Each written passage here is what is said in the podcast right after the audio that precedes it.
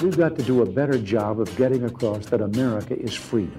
Freedom is special and rare. It's the idea held by generations of citizens who believe that America is a constant work in progress. We choose to go to the moon in this decade and do the other thing, not because they are easy, but because they are hard. And it's the people who are making America great again. We may be opponents, but we're not enemies.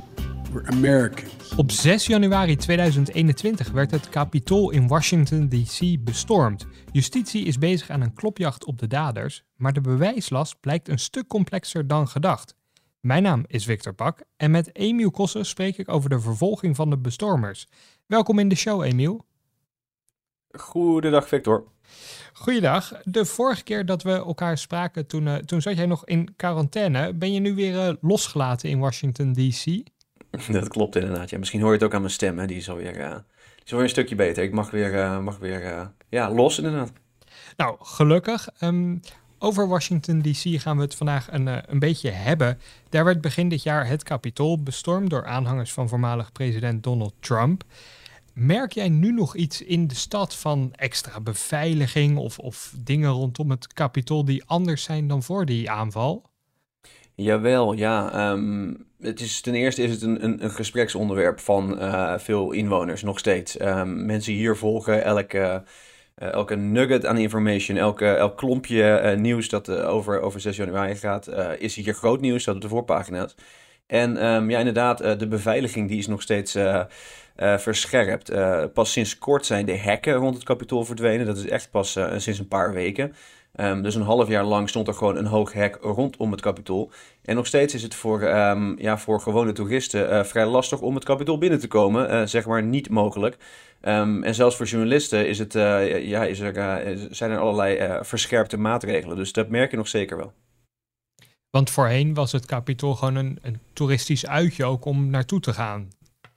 Ja, er is een, eh, een visitor center en dan, uh, dan, ja, ik heb het nooit gedaan, maar dan volgens mij word je meegenomen door een, uh, door een, een, een tourgids die, die langs een paar, paar kamers brengt en wat, wat historische feitjes deelt. Ja, dat is allemaal even niet, niet aan de gang.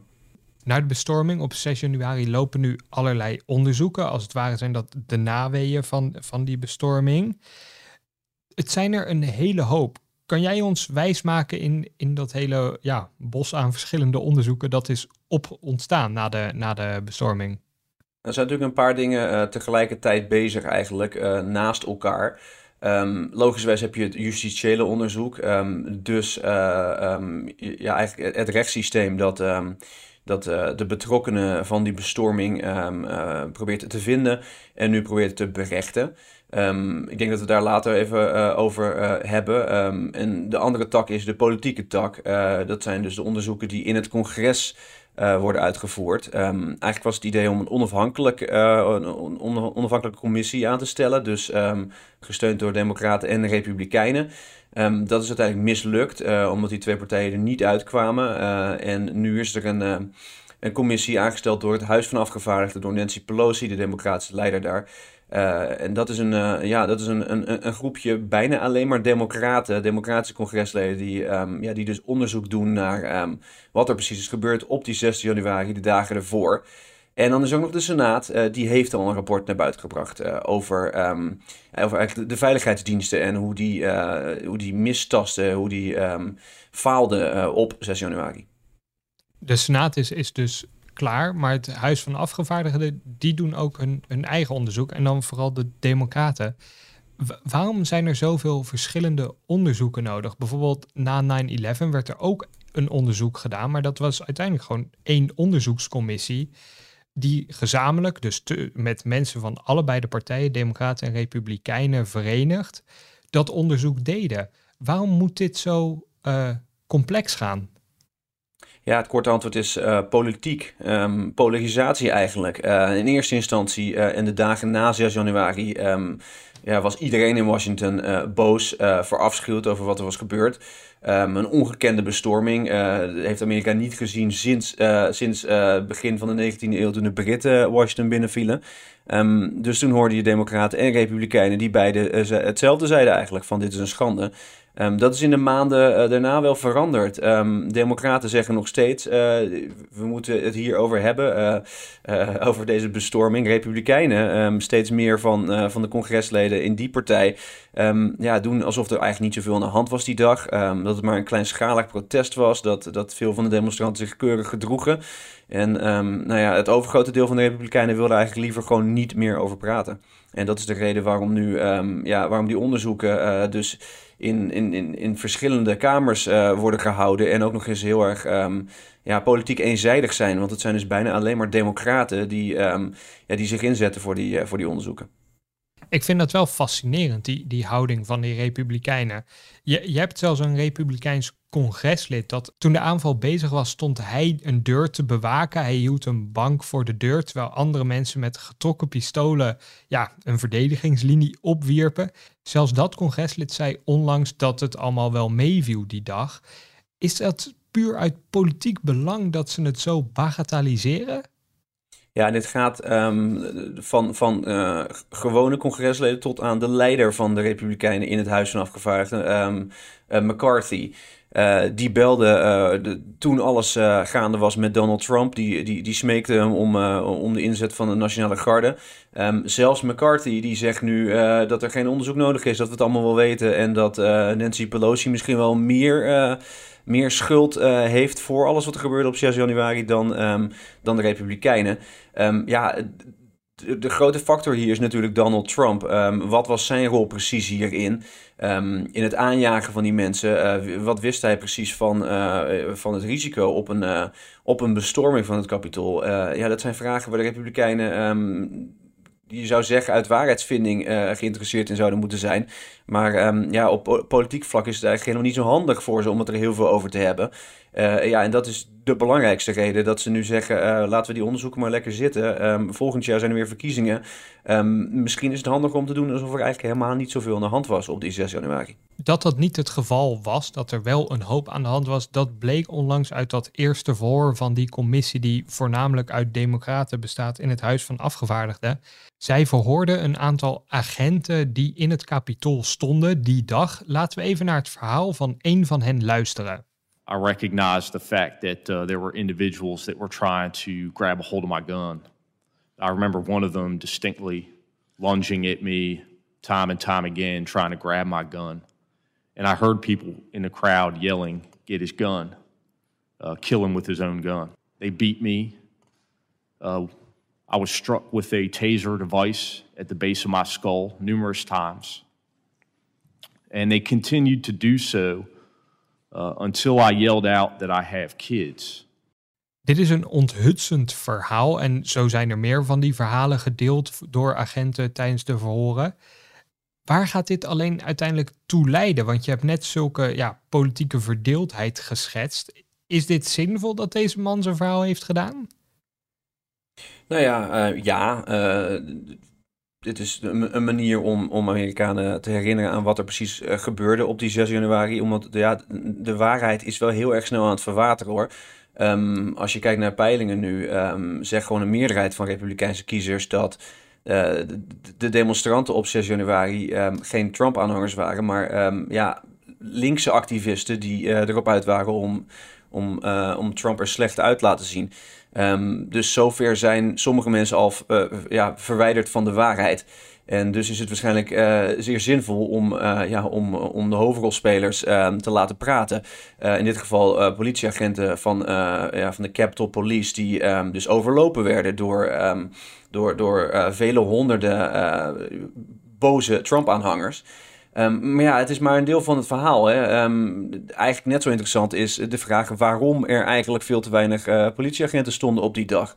Um, waarom de Nationale Garde er niet was. Waarom het zo lang duurde voordat die garde uiteindelijk werd opgeroepen. wat de rol was van de burgemeester van Washington. waar het Pentagon mee bezig was. Waarom de FBI niet doorgaf uh, uh, dat zij daadwerkelijk wisten dat er signalen waren. dagen voor 6 januari dat dit ja, stond te gebeuren. Er zijn zoveel vragen die nog onbeantwoord zijn. En um, ja, eigenlijk is er niet echt een strategie uh, tot dusver van uh, die, die democratische commissie om, om echt achter die antwoorden uh, te komen. Um, wat dat betreft lijkt het meer op dat zij ook politiek um, die politieke doelen hebben. Want dit is eigenlijk een beetje het makkelijke deel. Een, een paar van die agenten laten praten en laten zien hoe, hoe erg het wel niet was die dag. Daar heb je helemaal gelijk in. Mijn vraag was misschien een beetje kort door de bocht in, in die zin. Maar is er dan niemand die al die vragen die jij net opwierp, uh, waarom heeft, de burgemeester van Washington DC niet ingegrepen? Dat is een democrate. Uh, de veiligheidsdiensten, uh, Pelosi zelf, die natuurlijk toch ook een rol had omdat zij de basis van het Huis van Afgevaardigden. Nou, de rol van Trump is al heel kort voorbij gekomen. Wat wist hij ervan? Uiteindelijk waren er gewoon paramilitaire organisaties ook betrokken bij deze aanval op de Amerikaanse democratie. Is er nou niemand ergens in Amerika die dit redelijkerwijs kan, kan reconstrueren? Of moeten we dan afwachten op, op wat er in de rechtszaken naar voren gaat komen? Ja, het wordt een beetje een, eh, een mengelmoes. Hè? Ehm, de Senaat heeft dus al een, onderzoek gedaan. Dat was wel um, gesteund door beide partijen. En daar kwamen een aantal interessante uh, dingen naar voren over, over wat de veiligheidsdiensten wel en niet deden voor en op 6 januari.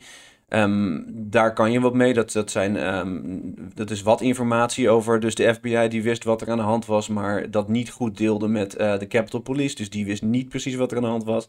En um, nou ja, de, de, chaos op de dag zelf, uh, dat er uren nodig waren om, om de politie in het Capitool en het Pentagon en de Nationale Garde op één lijn te krijgen. maar ja, dat is maar een deel van het verhaal. dan komt waarschijnlijk de commissie van Democraten um, met een ander deel van het verhaal. En dan heb je dus nog al die rechtszaken die, die gaande zijn, waar we weer een deel uh, krijgen. Het was dus veel makkelijker geweest om het allemaal uh, bijeen te krijgen in. Um, bijeen te verzamelen in, in, in zo'n onafhankelijke commissie. Maar ja, de politiek uh, die, die heeft, ja, heeft voor dit pad gekozen. Dat is dan de keuze van de politiek. Nou, als we dan kijken naar die, die rechtszaken, dan wordt het niet direct veel helderder. Want ik begreep dat rechters onderling ook op verschillende sporen nadenken over de bestraffing van personen. Ik las ergens een verhaal waarin een rechter had gezegd van tegen de aanklagers: joh, waarom vragen jullie zo weinig schadevergoeding van de mensen die jullie aanklagen? Het ging om zo'n 500 tot 2000 dollar per verdachte. Een andere rechter die zei juist van ja, uh, alle serieuze aanklachten. Ik weet niet eens of jullie daar allemaal wel het bewijs voor hebben. gaat dit dan ook een rommeltje worden? Ja, het klinkt misschien als een, als een, als een makkelijke zaak. Hè? Um, inmiddels heeft, uh, heeft justitie meer dan 550 um, nou, laten we plunderaars noemen, um, opgepakt. In het vizier. Die, die staan dus op het punt of zijn al berecht door het, door het rechtssysteem. Um, we hebben natuurlijk allemaal die beelden gezien uh, waar, je, um, ja, waar je die mensen gewoon kan identificeren. Je kan ze naar binnen zien rennen. Uh, je ziet ze zwaaien met vlaggen, je ziet ze dingen kapot maken. Um, uh, dat lijkt een, een, een, makkelijke zaak daardoor. Um, maar dat is het eigenlijk niet. Juist omdat er zoveel mensen uh, bij betrokken waren, omdat er zo ongelooflijk veel beelden van zijn, um, ja, duurt het vrij lang voordat, um, uh, voordat, voordat je daar helemaal doorheen bent. en rechters die, ja, die, die, die, die steggelen dus een beetje met elkaar indirect over, ja, over het, het te volgen pad.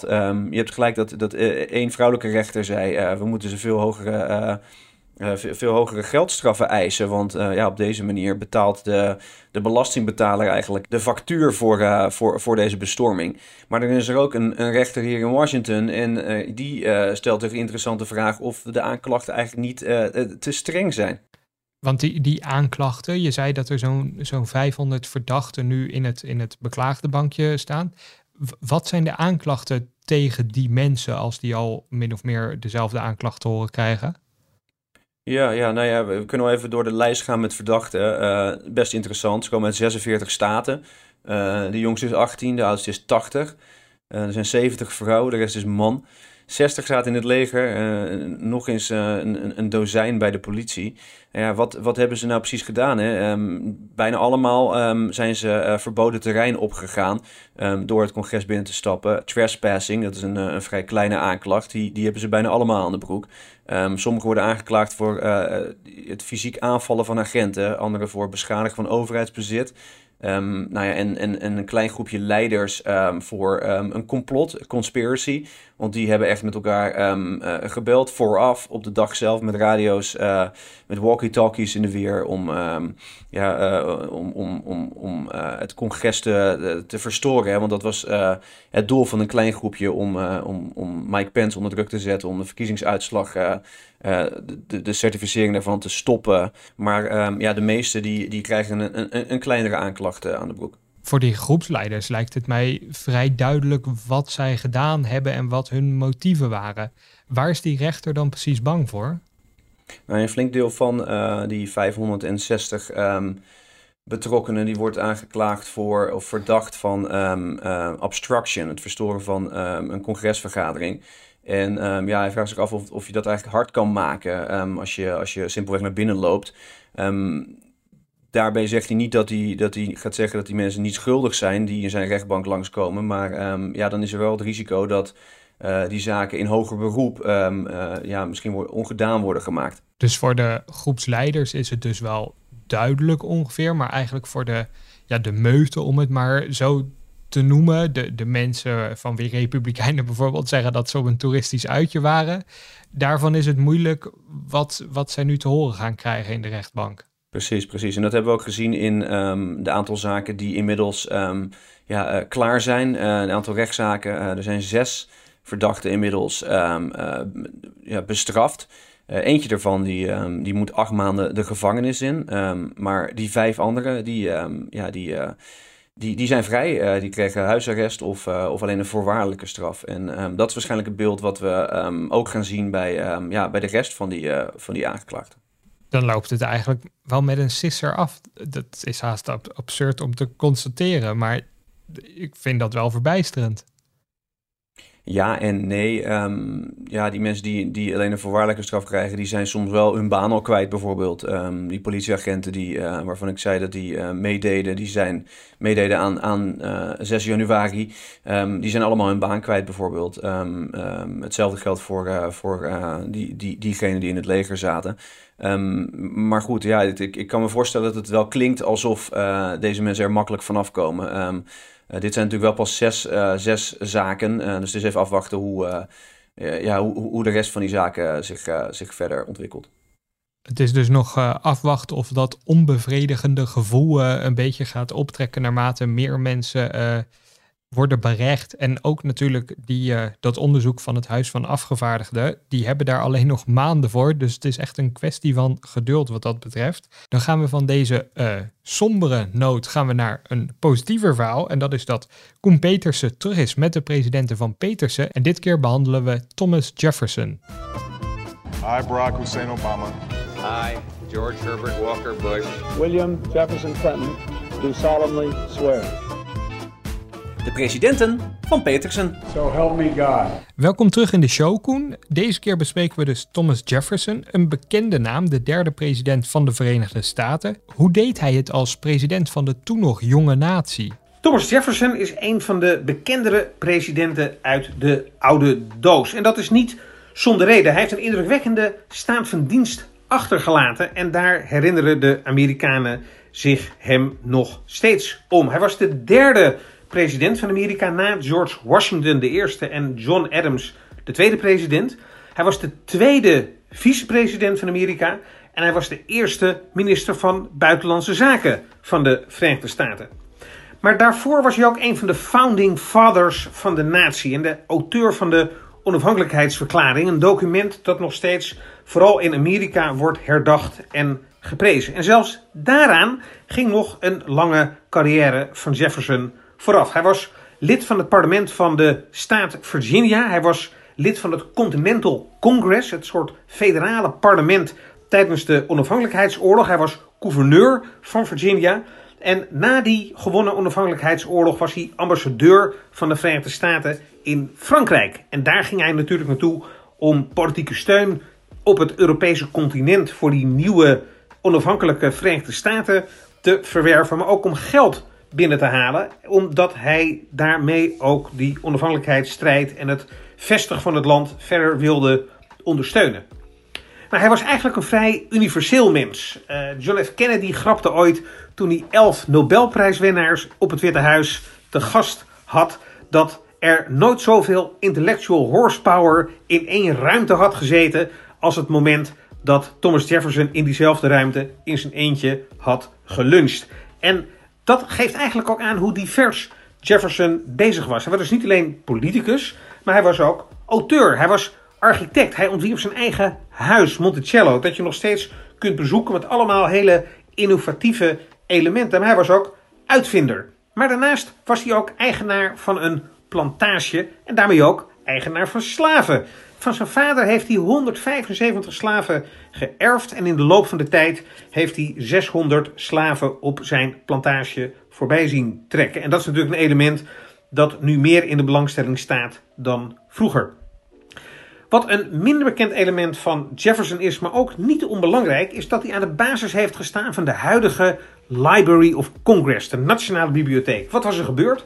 De Engelsen hadden in 1815 in Washington het gebouw van de Library of Congress in de brand gestoken. De Engelsen en Amerikanen waren in oorlog op dat ogenblik en de bibliotheek moest worden herbouwd. En Jefferson had als oud-president enorme geldzorgen, want hij kon ongelooflijk slecht met geld omgaan. En hij dacht, 1 1 is 2.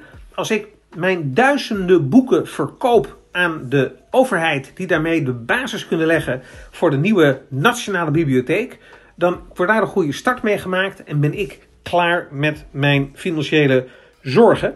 En zo geschieden. En voor toeristen zal het ook nog opvallend zijn dat het schitterende hoofdgebouw van de Library of Congress, dat je ook nog steeds kunt bezoeken, uh, naar Jefferson is genoemd. En nu heet het Thomas Jefferson Building.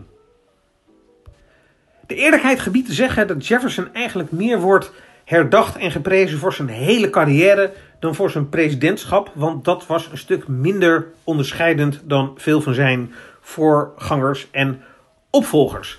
Het kostte Jefferson al moeite om president te worden. In 1800 won hij weliswaar het Witte Huis, maar het ging niet zonder slag of stoot, omdat hij net zoveel kiesmannen had gekregen als een andere kandidaat, Aaron Burr, die eigenlijk kandidaat zou zijn voor het vicepresidentschap. En als je geen meerderheid hebt van het kiescollege, dan beslist het Huis van Afgevaardigden. En in de Amerikaanse geschiedenis gebeurde dat dus in 1800, 1801 voor het eerst. Het Huis van Afgevaardigden was er ook niet heel snel uit. Het was geen gelopen race voor Jefferson. Er waren maar liefst 36 stemrondes nodig voor hem om dat Witte Huis toebedeeld te krijgen. En uh, Jefferson werd daarna ook in maart 1801 geïnaugureerd in Washington DC. En dat was een unieke gebeurtenis, omdat zijn voorgangers buiten Washington waren geïnaugureerd. Uh, respectievelijk in New York, de eerste hoofdstad van de Verenigde Staten, en Philadelphia, de tweede. Nou, Jefferson heeft natuurlijk als president niet stilgezeten, maar eigenlijk zijn historici het er toch wel over eens dat zijn presidentschap nou niet zo bijzonder was dat hem dat in de top van de presidentiële lijstjes heeft kunnen doen belanden. En eigenlijk wordt het toch meer gezien als een soort oeuvreprijs dan voor zijn Witte Huis jaren alleen. Maar dat is niettemin, hij zat niet stil. Het belangrijkste element waar hij bekend om is geworden als president is de aankoop van het Louisiana Territory. Dat was een stuk terrein op uh, het Amerikaanse continent dat in de handen was van Frankrijk. En wat werd gekocht door onderhandelaars die hij naar Europa had gestuurd om dat van de Fransen te kopen. En Napoleon was bereid om niet alleen een stuk in het huidige Louisiana te verkopen, maar eigenlijk een heel groot stuk uh, uh, grondgebied uh, daarbij.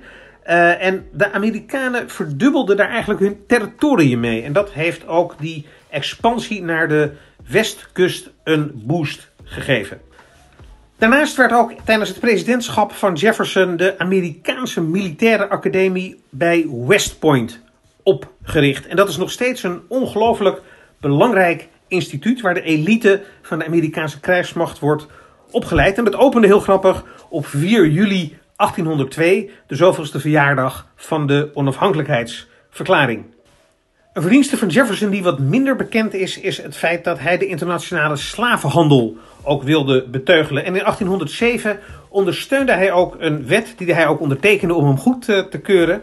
Uh, dat de import van slaven uit het buitenland verbood. Dat zorgde nog niet voor afschaffing van de slavernij in de Verenigde Staten, maar het was wel een stap om dat te beteugelen.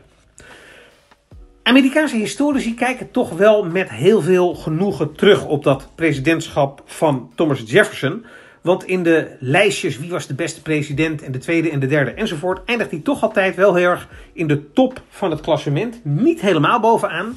Die plaats is eigenlijk vrij unaniem weggelegd voor Abraham Lincoln, de president die Amerika door de burgeroorlog wist te gidsen en het land bijeen wist te houden. Maar Jefferson eindigt meestal rond de vijfde plaats en daarmee bevindt hij zich in keurig gezelschap van bekende presidenten zoals Theodore Roosevelt en Woodrow Wilson. Jefferson was pas 33 toen hij een belangrijk aandeel had in het schrijven van de Declaration of Independence, de Amerikaanse onafhankelijkheidsverklaring. Waarom kreeg toch zo'n wat jong persoon zo'n belangrijke rol in het opstellen van dat document?